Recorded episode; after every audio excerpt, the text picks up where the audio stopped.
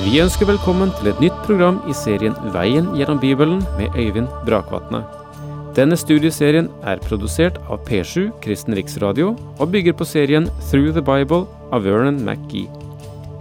I dag fortsetter vi med gjennomgangen av Første Mosebok.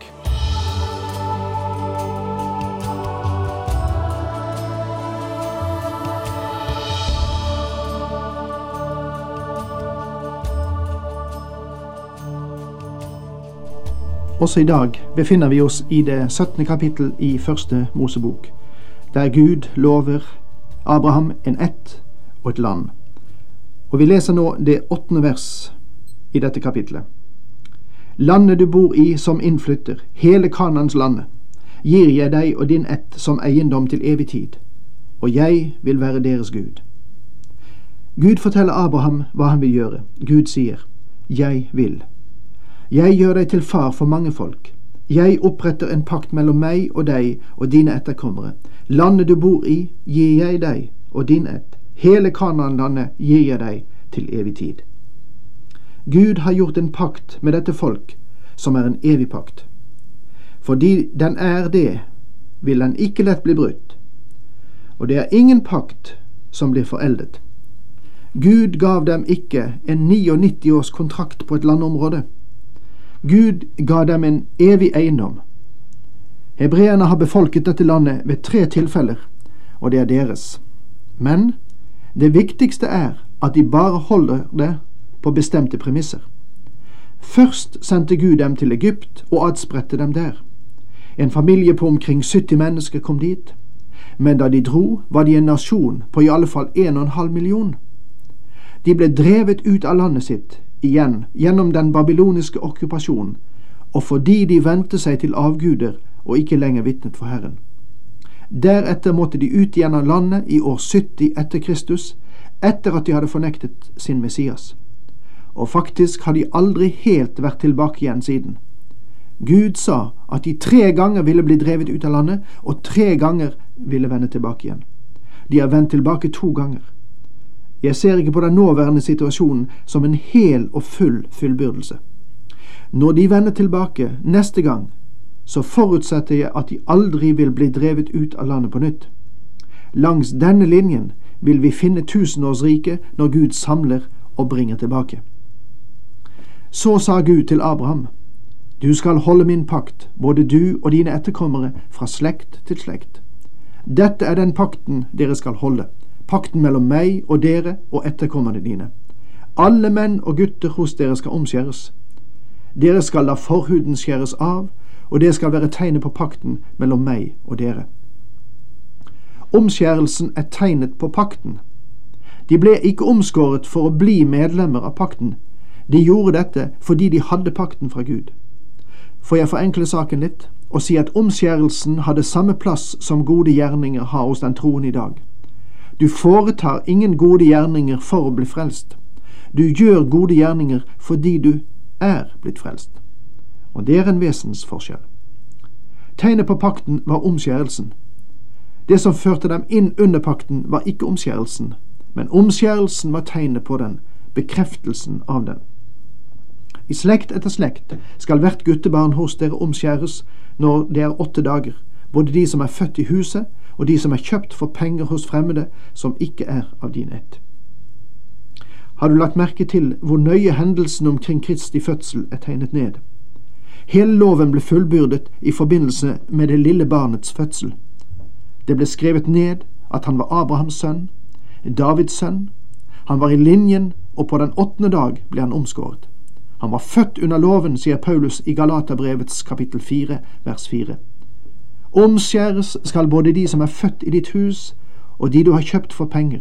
Slik skal min pakt vise seg på kroppen deres, en evig pakt.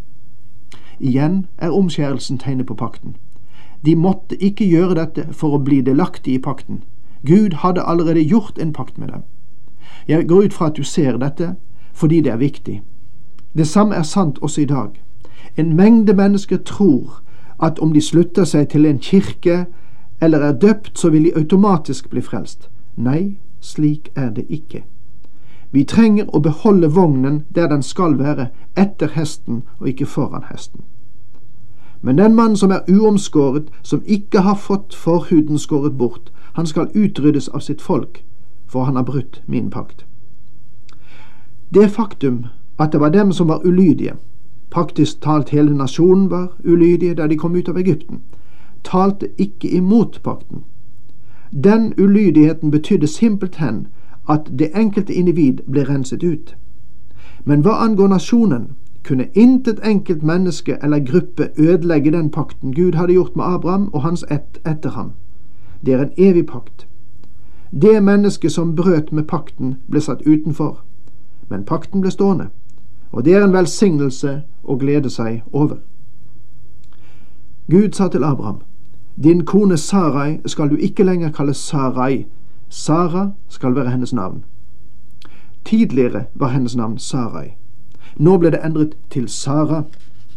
Jeg vil velsigne henne og gi deg en sønn med henne også. Ja, jeg vil velsigne henne så at hun blir mor til mange folk. Konger over folkeslag skal gå ut fra henne. Om gamle Abraham skal bli nasjonenes far, så vil Sara bli nasjonenes mor. Da kastet Abraham seg til jorden og lo. Han sa med seg selv, kan en mann som er hundre år få barn, og kan Sara med sine 90 år føde? Gamle Abraham bare lo. Dette er ikke vantroens latter. Jeg tror at det var ren og skjær glede at dette utrolige mirakel skulle hende. Og kanskje mange av oss har hatt en lignende erfaring. Nå og da i livet gjør Gud ting for oss som er så vidunderlige at vi bare vil bryte ut i latter. Du kjenner ingen annen reaksjonsform som er dekkende for dette overveldende. Det som fant sted her, var noe uhørt. Her var Saras døde mors liv, og Abraham var død. Har du noen gang lagt merke til hvordan det ble beskrevet, dette? Her sier Paulus i Romerbrevets fjerde kapittel. Slik står det skrevet. Jeg har gjort deg til far for mange folk. I Guds øyne er han vår far, for han trodde på den Gud som gjør de døde levende og byr det som ikke er, å bli til. Selv om alt håp var ute, holdt Abraham fast på håpet og trodde, og derfor ble han far til mange folkeslag. Som det var sagt ham, så tallrik skal din ett bli. Han var jo snart hundre år, men han vaklet ikke i troen da han tenkte på sin egen kropp som var uten kraft, og på Saras døde mors liv. Han var ikke vantro så han tvilte på Guds løfte, men ble sterk i troen og gav Gud æren. For han var overbevist om at det Gud hadde lovt, hadde han også makt til å gjøre. Derfor ble han regnet som rettferdig. Abraham trodde Gud, og han er helt overveldet av Guds godhet og forunderlighet. Men så, plutselig, slår en tanke ned i Abraham som en pil. Han tenker på en liten gutt som allerede er hans, en gutt ved navn Ismael. Og Abraham sa til Gud, måtte du la Ismael leve for ditt åsyn. Abraham sier, Herre, denne lille gutten som har vokst opp i mitt hjem. Abraham kjenner seg knyttet til Ismael. Han var 14 år gammel da Abraham senere sendte ham av gårde. Jeg tror ikke at Abraham noensinne så ham igjen. Jeg vet ikke hvilke forestillinger du har om Ismael, men han var Abrahams sønn, og Abraham elsket sin sønn. Det var det knusende slag for ham å måtte overgi ham. Etter min oppfatning må Abraham mange, mange ganger ha tenkt Jeg gjorde en stor tabbe da jeg tok Hagar til meg. Dette, forstår du, var en synd som ikke bare plaget ham, men det har også skapt problemer i det landet helt fra begynnelsen fordi Abraham syndet. Fortell meg ikke at synd er noe ubetydelig, eller at du skal makte å dekke over den. Ta ikke feil, Gud lar seg ikke spotte. Det et menneske sår, skal det også høste. Et menneske høster ikke noe lignende. Det høster nøyaktig det det har sådd. Og her får sannelig Abraham høste. Måtte du la Ismael leve for ditt åsyn. Da sa Gud, ja, men du skal få en sønn med Sara, din kone, og du skal gi ham navnet Isak. Jeg vil opprette min pakt med ham, en evig pakt, for hans ett etter ham. Med andre ord sier Gud, nei, jeg aksepterer ham ikke. Det du gjorde var galt. Si ikke at Gud godkjente polygami fordi det står skrevet om det i Bibelen. Nei, han anerkjenner det ikke. Din bønn for Ismael har jeg hørt. Jeg vil velsigne ham og gjøre ham fruktbar og gi ham en meget tallrik ett. Tolv høvdinger skal han bli far til, og jeg vil gjøre ham til et stort folk. Men min pakt vil jeg opprette med Isak, som Sara skal føde neste år på denne tid. Gud holder seg til det løftet han har gitt. Gud lar seg ikke argumentere eller manipulere bort fra det. Han vil gjøre nøyaktig det han har sagt at han vil gjøre. Han taler som om Isak allerede er født og er hos dem. Han taler om ting som ikke er som om de er. Slik de vil bli. Hans ord skaper hva det nevner. Da Gud hadde sluttet å tale med Abraham, for han opp fra ham. Med andre ord, Abraham, det er best du tier stille.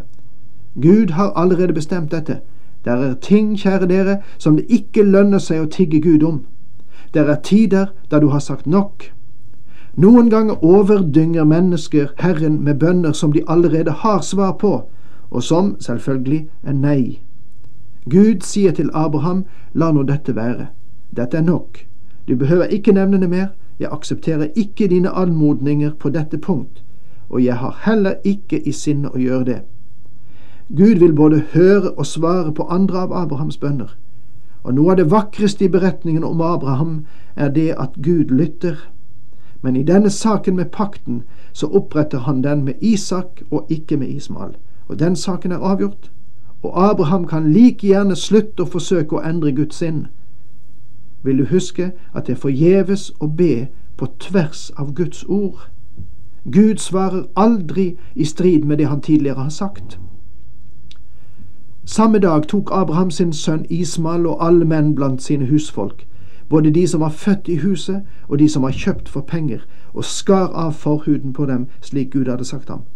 Abraham selv var 99 år da han ble omskåret, og Ismael, hans sønn, var 13 år da han ble omskåret.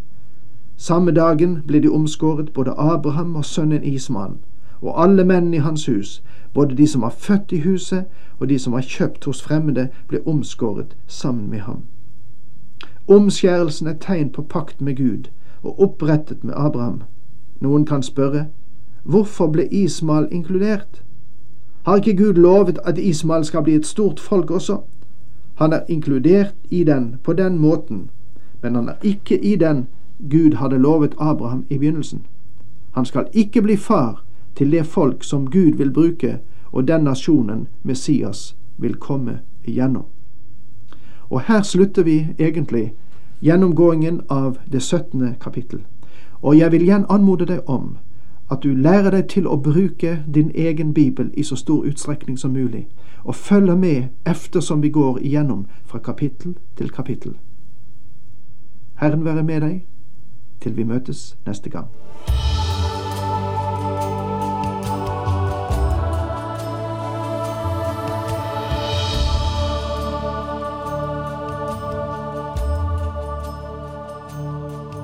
Du hørte Øyvind Brakvatne i studieserien Veien gjennom Bibelen. Serien bygger på et manus av Vern McGee.